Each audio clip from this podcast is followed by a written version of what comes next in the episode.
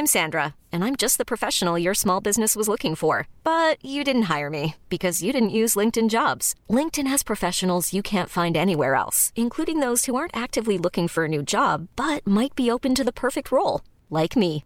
In a given month, over 70% of LinkedIn users don't visit other leading job sites. So if you're not looking on LinkedIn, you'll miss out on great candidates like Sandra. Start hiring professionals like a professional. Post your free job on linkedin.com/achieve today. Millions of people have lost weight with personalized plans from Noom, like Evan, who can't stand salads and still lost 50 pounds. Salads, generally, for most people, are the easy button, right? For me, that wasn't an option. I never really was a salad guy. That's just not who I am. But Noom worked for me. Get your personalized plan today at Noom.com. Real Noom user compensated to provide their story. In four weeks, the typical Noom user can expect to lose one to two pounds per week. Individual results may vary.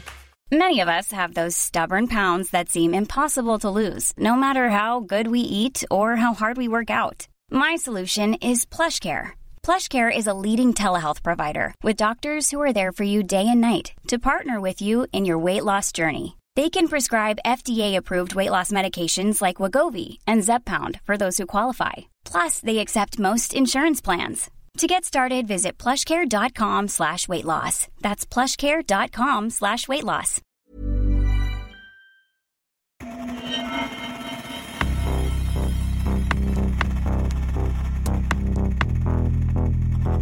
Expect more attacks on the government. They caused a lot of damage. On any computer crime, you want to look for the digital footprints. Dataintrång där interna handlingar läckte The shadowy group behind the hacking attack on the Federal Reserve. breaking into files. Beskriver dataintrången så mycket avancerade. This is just the beginning. We will respond, respond, respond, respond. Nätets mörka sida. Sanna historier om brottslighet på internet.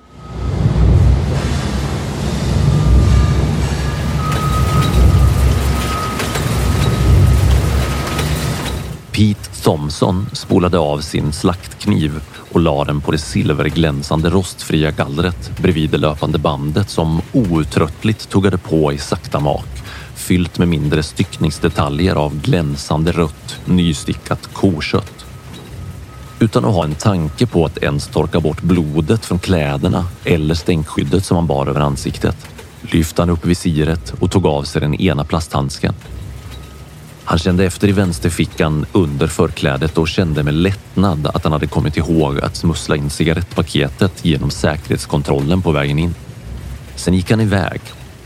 Jack som jobbade några meter ifrån Pete på det löpande bandet i JBS fullkomligt gigantiska slakthusanläggning för nötkött i Southerton, Pennsylvania, nickade åt honom och följde efter Även han iklädd full mundering i grön, blå och vit plast med ett jättestort grönt plastförkläde som var mörkrött av blod. Men innan Pete tog av sig handskarna så ropade han åt Javier och Donny att de fick täcka en stund för honom för han skulle ta en kort rast. De båda killarna som var i 25-30 års åldern gick sida vid sida ut genom en bakdörr och tog en rökpaus fortfarande iklädda blodig plast från topp till tå. Givetvis fanns det strikta regler för in och utpassage och renlighet på det här slakteriet, men det sket väl de i. Det var inte som att det skulle bli någon oanmäld inspektion mitt i deras rökpaus liksom. De stod en stund och snackade med varandra, ganska högljutt för att lyckas överrösta rasslandet av maskineriet i den gigantiska anläggningen på andra sidan väggen. Men sen hände plötsligt någonting. Det blev tyst tyst. Pete och Jack tittade på varandra och slängde omedelbart resten av sina cigaretter på marken. Pete började svära högljutt och sa Fan, fan, fan, helvete! Jag visste att jag inte skulle ha låtit den där jävla latinon Javier ta hand om bandet. Jag ska bussa immigration på honom om han har sabbat bandet igen. Förra gången blev vi tvungna att jobba övertid i en vecka när banden gick sönder. Fan, fan, fan! Men när Pete och Jack kom in genom dörren stod bara Javier och Donny och såg ut som frågetecken vid det löpande bandet som stod blickstilla. Vad är det som händer? ropade Pete med hög röst bort mot Javier och Donny. Vad har ni gjort? Men Javier och Donny fattade precis lika lite som Jack och Pete. Fortfarande svärande och stinkande av cigarettrök vandrade Pete iväg mot den lilla kiosken med plåtväggar och plastfönster mitt i anläggningen där styrcentralen för alla maskinerna fanns. Han ryckte upp dörren och skulle precis börja svära åt Mel och Winnie som satt där inne framför datorerna. Men innan han kunde få en syl i vädret så hade Winnie vänt sig mot honom med en laptop i knät. Han pekade på skärmen där det stod We have all your datas. All your sensitive data has been locked. You have 10 days to contact us. Sen stod där två länkar i blått som var namngivna med proof och full dump. Pete visste inte riktigt hur han skulle reagera. Vad fan menar han egentligen? tänkte han. Sen sa han det högt och vände sig till Mel. Mel bara skakade på huvudet och sa med tung röst. Nej, det är lika bra att du säger till killarna på ditt skift och gå hem. Det kommer inte bli något mer jobb idag. Vi hör av oss imorgon och berättar om ni ska komma in och jobba eller inte, men räkna inte med det. Ni får ta tre av vagnarna ute på lager fyra och lasta i allt kött som redan ligger på bandet. Det finns gott om plats i kylrum 18 och 19 så det borde funka att lägga allt där så länge. Ja, sen kan ni stämpla ut när ni är klara. Vi hörs. Sen stängde hon igen dörren rakt i ansiktet på Pete som nu kände sig ännu mer förvirrad än innan. Han hörde genom väggen att Mels telefon ringde och trots att det var ganska dovt ljud utanför så hörde han att Mel verkligen ansträngde sig för att inte skrika när hon sa Men vad i hela... Har det här hänt i Utah också? Och i Wisconsin? Nej, du skojar med mig. I Australien också. Hur kunde det här hända? Pete fortsatte att svära upprört under hela resten av arbetsdagen som bestod av det mer än lovligt ansträngande arbetet att få bort allt kött från bandet och ner i vagnarna som sen skulle rullas ut i kylrummen. Det värkte i ryggen på dem allihop när de äntligen var klara och gick för att stämpla ut flera timmar senare. När Pete sparkade av sig skorna hemma i lägenheten kände han sig helt matt och slängde sig direkt i soffan och slog på tvn. Det var nyheter. Reporten berättade om en cyberattack mot det brasilianska företaget JBS som hade drabbats av ett utpressningsmalware under dagen. Och då slog det honom. Någonstans hade han läst att det enorma slakthuset som han själv jobbade i hade blivit uppköpt av brassarna för ett par år sedan. Några timmar senare var en femtedel av hela världens köttproduktion. Ja, hela världens köttproduktion helt stillastående. 7000 arbetare inom köttindustrin i Australien fick gå hem och filialer till JBS över hela USA stängde ner helt och hållet på grund av attacken. Samma sak i Kanada. 20 procent av världens köttproduktion stod still och var i händerna på utpressare i form av hackers. Innan Pete somnade den kvällen med en whiskyflaska i handen, några Oxycontin i huvudet och gårdagens panpizza i magen så kom han att tänka på vad nyhetsuppläsaren hade sagt i sändningen tidigare på kvällen. God kväll.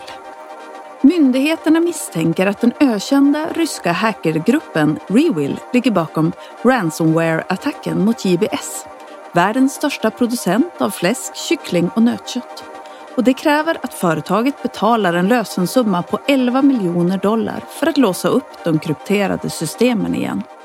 Det här är nätets mörka sida med mig, Marcus Borsklev.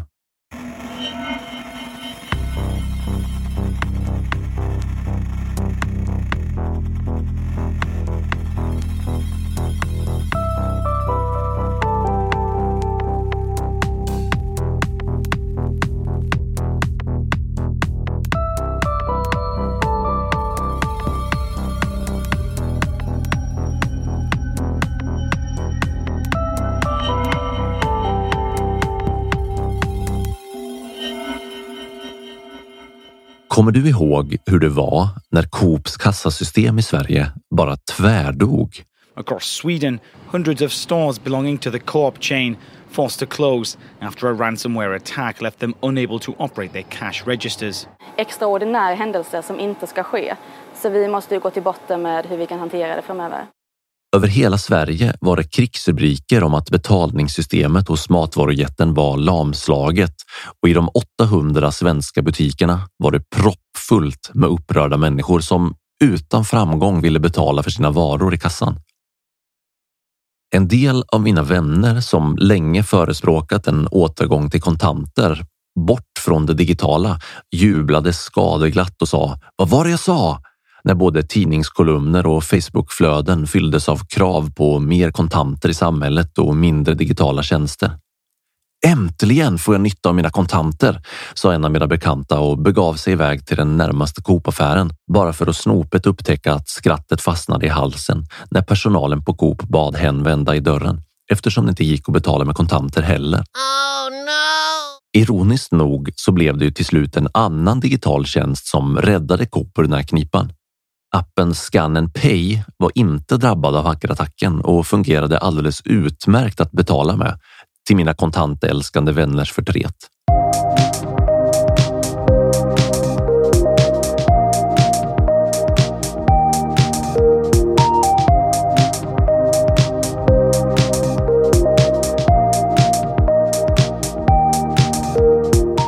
Svenska medier framställdes kollapsen av Coops kassasystem som en riktig katastrof och det var det verkligen, i alla fall för Coop som företag. Men det blev ingen omfattande matbrist i Sverige och tack vare snabb support så kunde Coops tekniker inom några dagar resa runt i landet och installera om kassasystemen och få igång allting igen. Och folk gick ju till Ica istället. Coop skänkte bort färskvaror och en hel del människor fick ännu mer digitaliserade konsumtionsvanor när de upptäckte att det gick utmärkt att betala med mobilen på Coop istället. Slutet gott, allting gott, eller? Men att Coops kassasystem slutade fungera var bara en liten, liten kugge i ett mycket större evil scheme som sträckte sig över hela planeten och drabbade tusentals företag och myndigheter. Och mitt i allt det här som hände med Coop så slogs världens största köttproducent ut och fabrikerna stannade. Företag och myndigheter över hela världen drabbades av utpressningsmalware och allt berodde på den ryska hackergruppen Revil. Gillar du den här podden? Skulle du vilja höra fler avsnitt? Då vill jag be dig att stödja nätets mörka sida på patreon.com. Som Patreon så får du tillgång till mängder med exklusivt material som till exempel unika bonusavsnitt som inte är tillgängliga för allmänheten. Behind the scenes videos, merchandise och en massa annat kul. Men framför allt så hjälper du mig att göra fler och bättre avsnitt genom att stödja podden på Patreon. Jag lägger ner någonstans mellan 30 till 60 timmar per avsnitt för att skriva manus, göra research, spela in, komponera musik och redigera. Och mina patrons är den enda inkomstkällan för den här podcasten just nu. När du stödjer nätets mörka sida på Patreon så bidrar du till att jag kan fortsätta göra intressanta avsnitt som du kan lyssna på. Gå in på www.patreon.com natets mörka sida och upptäck allt som du får tillgång till som Patreon. www.patreon.com natets mörka sida. Länken finns också i infotexten till varje avsnitt av podden. Tack för ditt stöd.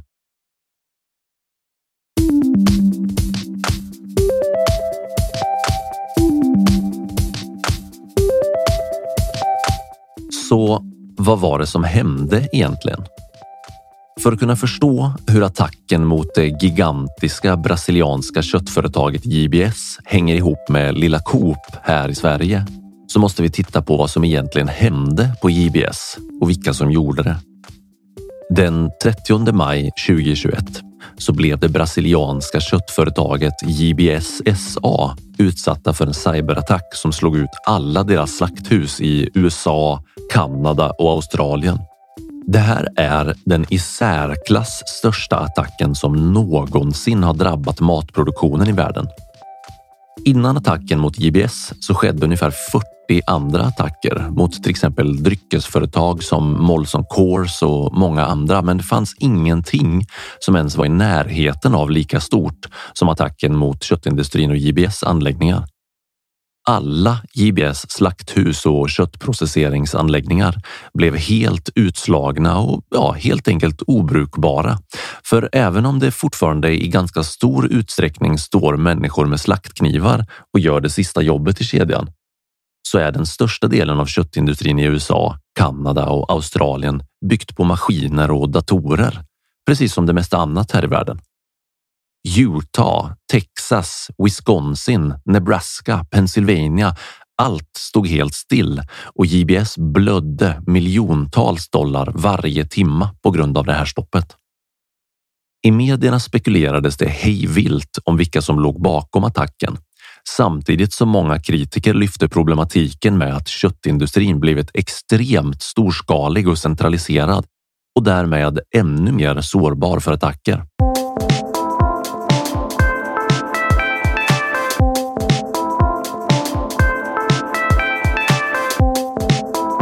Men ganska snart så stod det klart att hackarna som hade utsatt JBS för den här utpressningsattacken hade ryskt ursprung och spåren ledde till en okänd hackgrupp som kallar sig själva för Revil. Revil krävde 11 miljoner dollar i lösensumma som skulle betalas i bitcoin för att låsa upp JBS system igen. Och nästan utan att blinka så bestämde sig cheferna på JBS i Brasilien för att de skulle betala och det gjorde de. Så var det med det. Den 2 juni var de flesta av JBS anläggningar igång igen och sen dog storyn ut i media ungefär lika fort som den kom. Från politiskt håll i USA, Kanada och Australien så regnade det in svidande kritik mot JBS för att de hade valt att gå utpressarna till mötes och betala lösensumman. Men inte bara det. Eftersom spåren ledde till Ryssland och hackergruppen Revil så klättrade den här attacken hela vägen upp till högsta nivå och de amerikanska myndigheterna höll en pressträff där de la ansvaret för attacken på ryska hackare. Den 9 juli 2021 ringde USAs president Joe Biden upp Rysslands president Vladimir Putin och diskuterade den här händelsen. Och efteråt så sa Biden till pressen att han gjorde det väldigt klart för Putin att USA förväntar sig att Ryssland tar tag i det här problemet. Om inte Putin tar ner Revils servrar så kommer vi att göra det.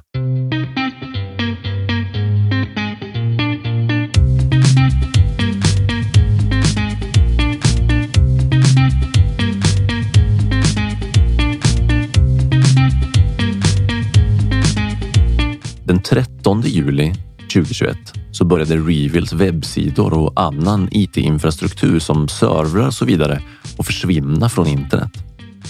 Rysslands myndigheter har varken bekräftat eller dementerat att de har klämt åt hackarna för attacken mot USA. Så det enda vi kan göra är att spekulera kring om Putin lyssnade på Bidens hot eller om det faktiskt var USA som stängde ner Revils grejer. Men okej, okay, vad sjutton har det här med Coops kassasystem, nej förlåt, jag menar kassasystem, att göra? Kanske du frågar dig nu? Jo, stora företag som Coop är alltid ute efter att effektivisera sin verksamhet och att digitalisera mer och mer är ett sätt att effektivisera. Men för att kunna digitalisera till exempel ett kassasystem så behövs kunskap och kompetens och digital kompetens är ju kanske inte helt oväntat knappast det som ett matvaruföretag är allra bäst på. Så vad gör man? Man hyr givetvis in kompetensen istället. Man köper tjänsten från ett företag som redan kan sina digitala grejer. Man tar in en MSP, en Management Service Provider som levererar digitala tjänster.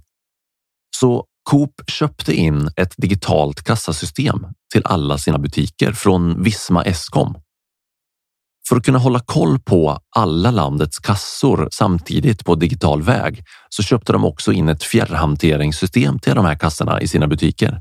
Och det här fjärrhanteringssystemet sköttes i sin tur om med hjälp av mjukvara från mjukvaruföretaget Kaseya som har sin bas i Miami.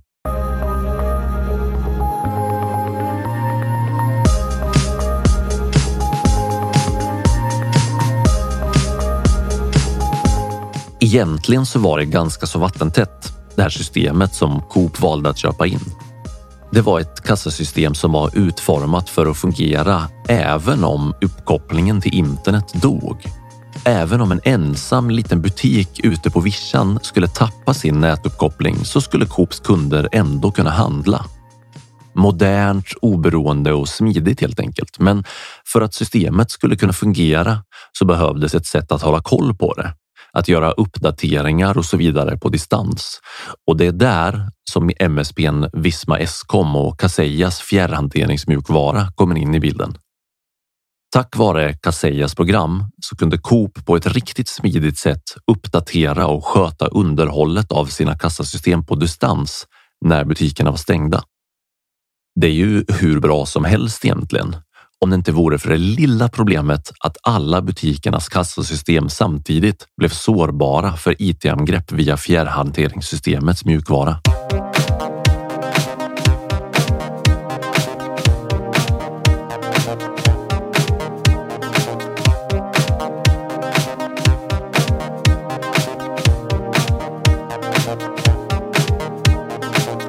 Låt oss förresten hålla isär ett par saker här nu, för tydlighetens skull. Kaseyas mjukvara är alltså inte själva kassasystemet som Coop använde. Det Kaseya tillhandahöll var egentligen bara ett sätt för Coop att fjärrhantera och uppdatera sina kassor. Själva kassasystemet köpte Coop istället in från Visma Scom. Det är två olika saker helt enkelt. Det ena från Visma Scom är själva kassasystemet och det andra från Kaseya är fjärrhanteringssystemet, programmet för att till exempel uppdatera kassornas mjukvara på distans. Men Plötsligt gick något åt skogen hos Kaseya. Selling a little or a lot? Shopify helps you do your thing however you cha-ching. Shopify is the global commerce platform that helps you sell at every stage of your business. From the launch your online shop stage to the first real life store stage, all the way to the did we just hit a million orders stage.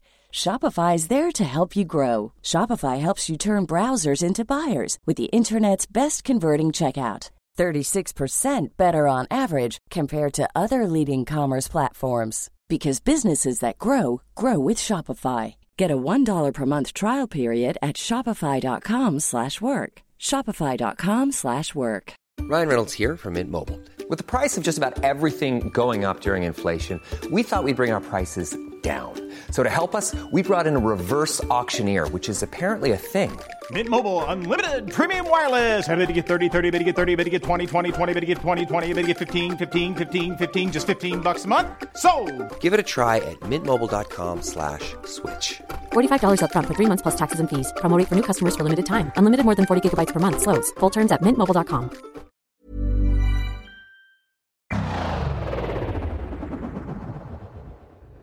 Kaseya hade känt till att det fanns ett helt gäng svagheter i deras system ganska länge, flera månader faktiskt, tack vare en IT-säkerhetsforskare på The Dutch Institute for Vulnerability Disclosure som informerade dem om säkerhetsriskerna. Kaseya skred omedelbart till verket när de fick veta det här och började patcha de här svagheterna. Och de betade av listan med svagheter i ganska god takt egentligen. Men det återstod fortfarande flera svagheter i systemet när Reveal utnyttjade säkerhetshålen och släppte lös sin utpressningsmjukvara i Kaseyas system. Kaseyas mjukvara VSA blev infekterad och genom den spreds den här utpressningsmjukvaran till tusentals system över hela världen. Och när Kaseyas mjukvara sen fjärruppdaterade Coops kassasystem så var loppet redan kört. Kaseya fattade ganska snabbt att de hade blivit offer för hackarna och skickade omedelbart ut varningar till alla sina kunder där de vädjade till dem att stänga av fjärrhanteringssystemen. Men det var redan för sent. Och det som är lite sneaky här är ju att utpressningsmjukvaran lyckades sprida sig helt utan att trigga igång några som helst brandväggar eller antivirusmjukvaror. Eftersom malwaren låg med i Kaseyas fjärruppdatering så laddades utpressningsprogrammet ner som ett helt vanligt uppdateringsprogram från Kaseyas mjukvara som alla kassorna och datorerna på Coop litar på till 100 procent. Och när kassorna sen startade om med den nya uppdateringen installerad så var Reveals utpressningsvirus på plats.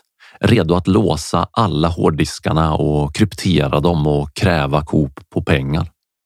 Som på ett litet kick blev varenda butik, varenda kassa i hela den svenska Coop-koncernen omöjliga att använda.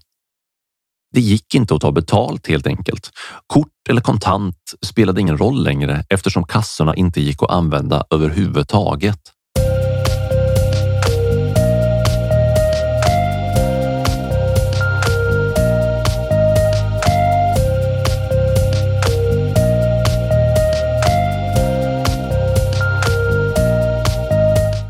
Budskapet från hackarna som dök upp både hos Coop men också hos tusentals andra av Kaseyas kunder över hela världen var enkelt. Ge oss 70 miljoner dollar i bitcoin så låser vi upp alla datorerna igen. Coop löste det hela genom att använda Scan and Pay-appen och så lät de sina tekniker åka runt i hela Sverige i raketfart för att installera om kassasystemen utan Drevils utpressningsmjukvara och rensa alla hårddiskarna. Och det fungerade.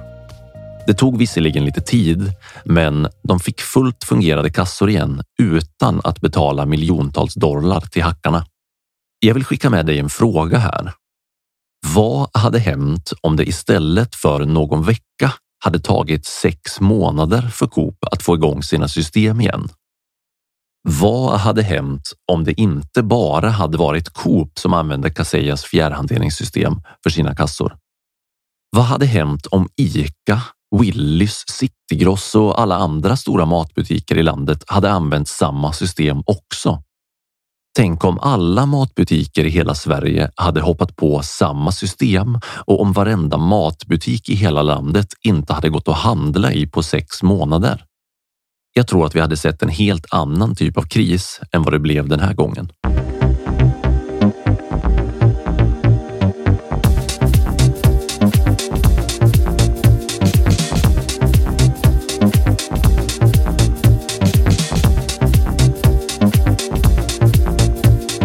Som jag sa förut så var den här utpressningsattacken tyvärr så otroligt mycket större än att Coops kassasystem slogs ut i några dagar. Och för att kunna förstå vad som hände och varför och vilka som gjorde det här möjligt så måste vi gräva lite mer i ransomware och hackergruppen Revil.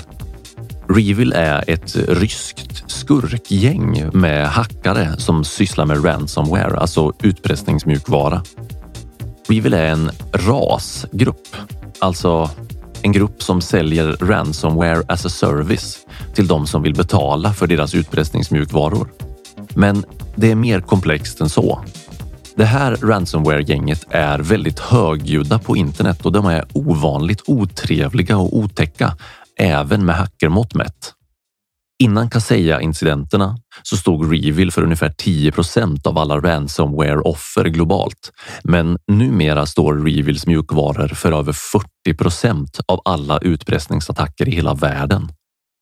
IBM gjorde en väldigt försiktig uppskattning som visade att Revil tjänade 123 miljoner dollar bara under 2020 på sina utpressningsprogram. Det finns de som hävdar att Revils olika utpressningsmalware är världens vanligaste program för utpressning just nu.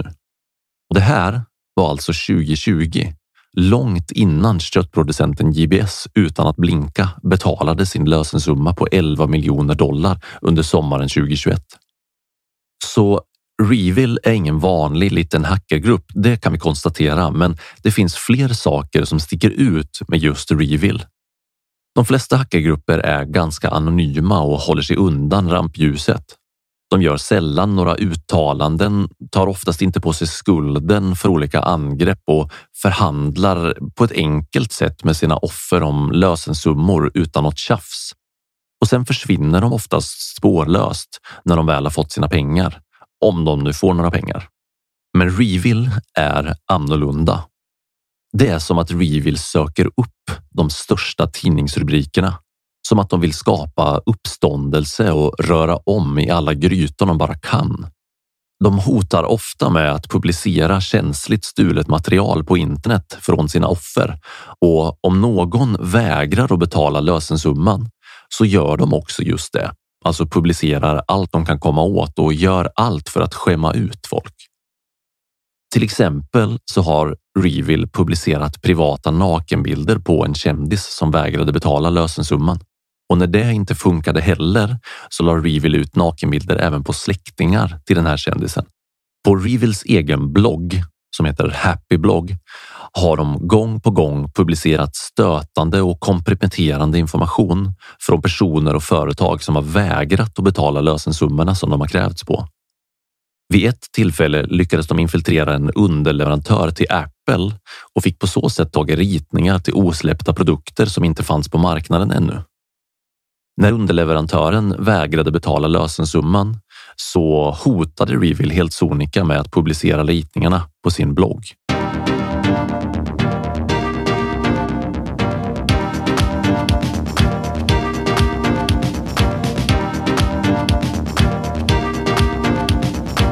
Reveal i den formen som vi känner till idag har bara existerat sedan 2019, men de har verkligen hunnit med en rejäl massa jäkelskap sedan dess. Här är några exempel på vad Reveal och deras associerade grupper har sysslat med de senaste tre åren. De stal en hel terabyte med data från juristfirman Grubman Shire Maisel Sachs och krävde en lösensumma i miljonklassen. Och dessutom angrep de flera andra privatpersoner och juristbyråer med anknytning till Grubman Sachs. I maj 2020 krävde de 42 miljoner dollar från Donald Trump för att inte publicera den data som de hade kommit över genom hacket hos Grubman Sachs. I en anonym intervju hävdade en medlem av Reveal att de lyckades få över 100 miljoner dollar i lösensummepengar från det här hacket. Reveal släppte lös 2,4 gigabyte med juridiska dokument som hade kopplingar till sångerskan Lady Gaga. De hävdade också att de skulle släppa lös mängder med information om sångerskan Madonna, men av någon anledning så hände det aldrig. I mars 2020 så attackerade Reveal The Harris Federation och publicerade mängder av finansiella dokument. Och dessutom stängdes Harris Federations IT-system ner i flera veckor, vilket påverkade över 37 000 studenter. Efter att Reveal hade attackerat datajätten Acer så krävdes de på en lösensumma på 100 miljoner dollar för att inte alla deras filer skulle raderas. I april 2021 så stal Reveal planeringsdokument för kommande Apple-produkter från Quanta Computer och de kom bland annat över information om flera stycken kommande Apple-laptops och även Lenovos nya ThinkPad-modeller. Revil hotade med att publicera allt på internet om de inte betalade lösensumman som låg på 50 miljoner dollar. Den 30 maj 2021 tog Reveal på Twitter offentligt på sig attacken mot den gigantiska köttproduktionsjätten JBS och de betalade 11 miljoner i lösen för att få tillbaka åtkomsten till sina system. I juni 2021 rapporterade energilagringsbolaget Invenergy att de hade blivit attackerade av ransomware och Reveal tog på sig attacken. Den 2 juli 2021 så slog Revils ransomware-program till mot Kaseyas Desktop Management mjukvara och krävde 70 miljoner dollar för att låsa upp de krypterade hårddiskarna igen. Tusentals företag över hela planeten drabbades också av attacken som spreds via Kaseyas mjukvara. Den 7 juli 2021 hackade Reveal ett bolag i USA som heter HX5 som sysslar med luftburna vapensystem och de har USAs armé och NASA som kunder. Sen släppte de lös en massa hemliga dokument på sin Happy-blogg när HX5 vägrade betala lösensumman. Alla de här attackerna hade var och en för sig varit väldigt stora angrepp, men tillsammans är de svårslagna i hackersammanhang, även internationellt.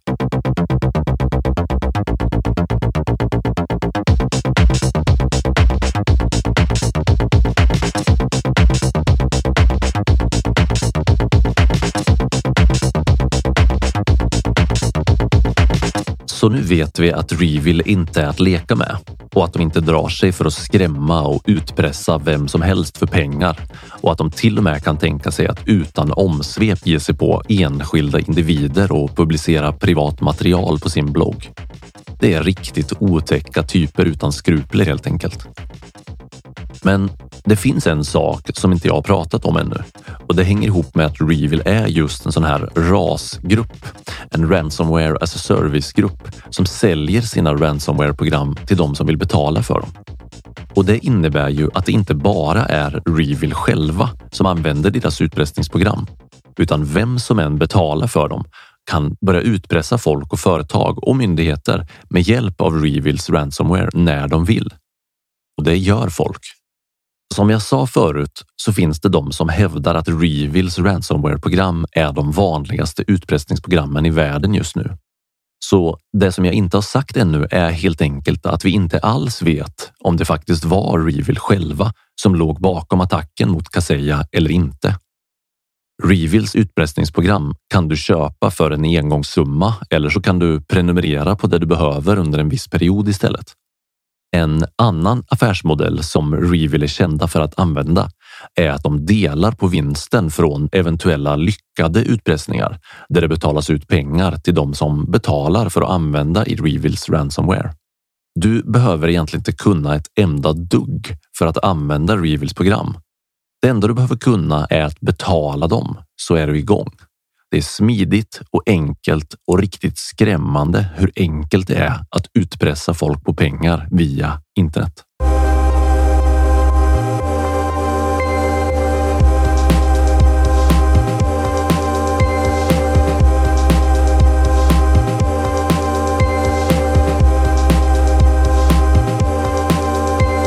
Så när Revil skryter på internet och skriver att vi har attackerat det här och det här företaget så är chanserna ganska goda att det inte alls är Revil själva som har utfört de här attackerna, utan snarare Revils kunder som har använt deras utpressningsprogram för att attackera någon. Alla läckor och publiceringar av känsligt material på deras blogg fyller naturligtvis det enkla syftet att dels skrämma livet ur dem som blir utpressade och samtidigt visa för potentiella kunder att deras affärsmodell och deras ransomware är värt priset de betalar. I en anonym intervju hävdade en representant för Revil att deras affärspartners hade kommit över data som gav dem tillgång till att avfyra ballistiska missiler från USA, styrning av fartyg hos den amerikanska marinen och styrning av flera kärnkraftverk i USA. Och dessutom hävdade de att de enkelt skulle kunna kontrollera produktionen i en vapenfabrik i USA. Men de här uppgifterna är helt obekräftade och de skulle helt enkelt kunna vara rent och skärt skryt för att skrämmas. Och att skrämmas har de verkligen lyckats med. Snittlösensumman för ett angrepp med Revils utpressningsmjukvara ligger på 850 000 dollar och det är många som inte vågar göra något annat än att betala när de väl har råkat ut för en attack från Revil.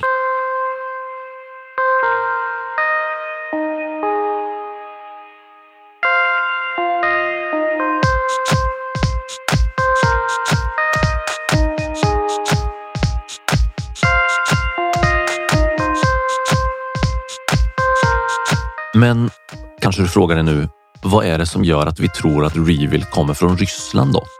Har de sagt det själva på sin blogg eller något eller? Nej, det har de inte gjort.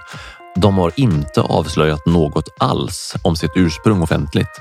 Men det finns ändå en del saker som pekar mot att de är baserade i Ryssland.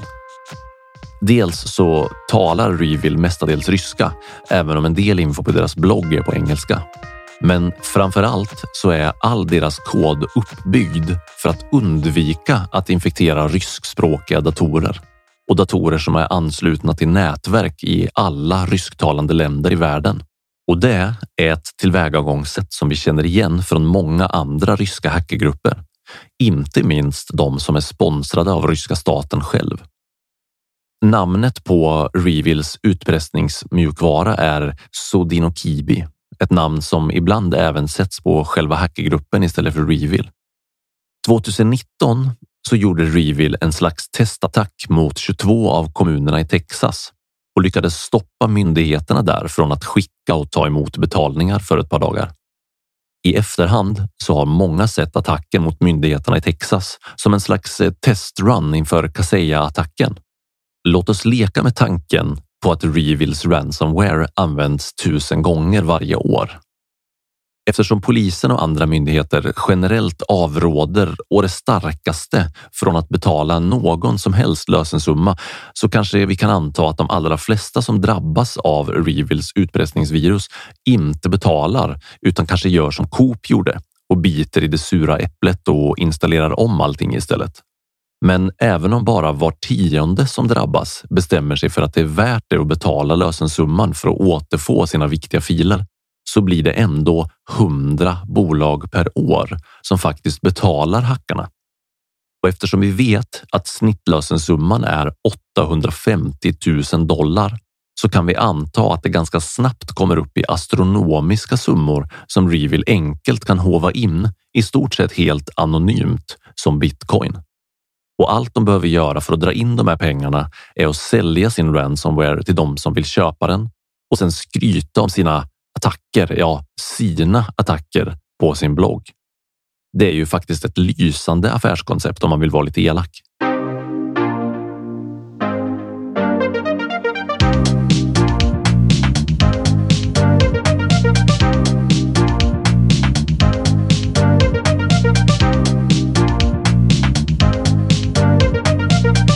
Men nu verkar det faktiskt som att historien om det högljudda och bråkiga hackergänget Revil har tagit slut.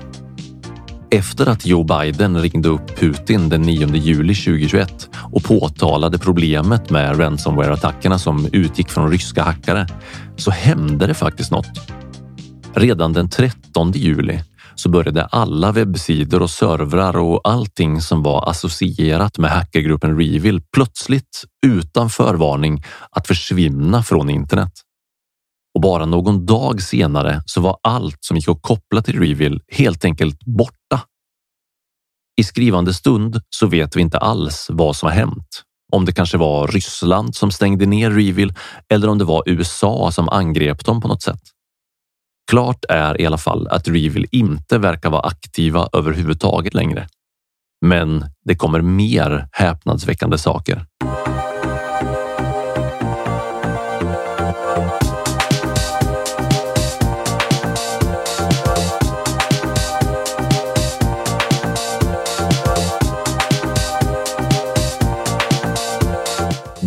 23 juli 2021 avslöjade Kaseya att de hade fått tillgång till en slags universalnyckel för alla datorer som hade fått sina filer krypterade i den stora attacken som lamslog Coops kassasystem och tusentals andra företags datorer. Kaseya själva säger att de fick tillgång till den här krypteringsnyckeln från en icke namngiven pålitlig tredje part. Vilka nu det är. Och det är ju positivt såklart. Det är ju jättebra att de kan låsa upp alla som har fått sina datorer krypterade. Men man kan också ha i åtanke alla de tusentals företag som har haft långa avbrott i sina verksamheter under lång tid på grund av Revils attacker och hur mycket deras downtime har kostat samhällen runt om i världen i tid och pengar. Hur mycket förlorade till exempel Coop på att deras kassasystem var helt lamslagna i dagar, ja till och med veckor i vissa fall? Hur farligt är det egentligen att så många system kopplas samman och blir beroende av färre och färre aktörer, vilket gör systemen ännu mer sårbara när något sånt här som Kaseya-attacken händer. Vad händer om det här drabbar vårt elsystem eller datasystemen i sjukvården i Sverige nästa gång? De är ju också sammankopplade. När en organisation en myndighet eller ett företag anförtror externa aktörer som MSPR nycklarna till hela sitt digitala kungarike så medför det både enorma möjligheter men på samma gång enorma risker. Du har lyssnat på Nätets mörka sida med mig, Marcus Borsklev.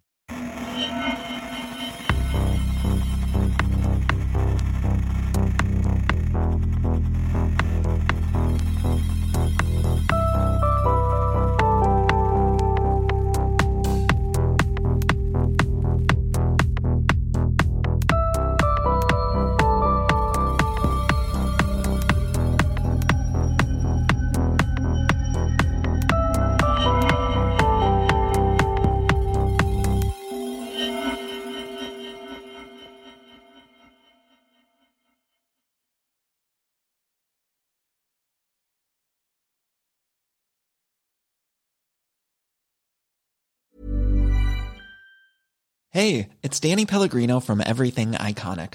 Ready to upgrade your style game without blowing your budget? Check out Quince. They've got all the good stuff shirts and polos, activewear, and fine leather goods, all at 50 to 80% less than other high end brands. And the best part? They're all about safe, ethical, and responsible manufacturing. Get that luxury vibe without the luxury price tag. Hit up quince.com slash upgrade for free shipping and 365 day returns on your next order. That's quince.com slash upgrade. Hold up. What was that? Boring. No flavor. That was as bad as those leftovers you ate all week. Kiki Palmer here, and it's time to say hello to something fresh and guilt-free. Hello Fresh. Jazz up dinner with pecan-crusted chicken or garlic butter shrimp scampi. Now that's music to my mouth. Hello Fresh. Let's get this dinner party started. Discover all the delicious possibilities at hellofresh.com. Hi, I'm Daniel, founder of Pretty Litter. Cats and cat owners deserve better than any old fashioned litter. That's why I teamed up with scientists and veterinarians to create Pretty Litter. Its innovative crystal formula has superior odor control and weighs up to 80% less than clay litter. Pretty Litter even monitors health by changing colors to help detect early signs of potential illness. It's the world's smartest kitty litter. Go to prettylitter.com and use code ACAST for 20% off your first order and a free cat toy. Terms and conditions apply. See site for details.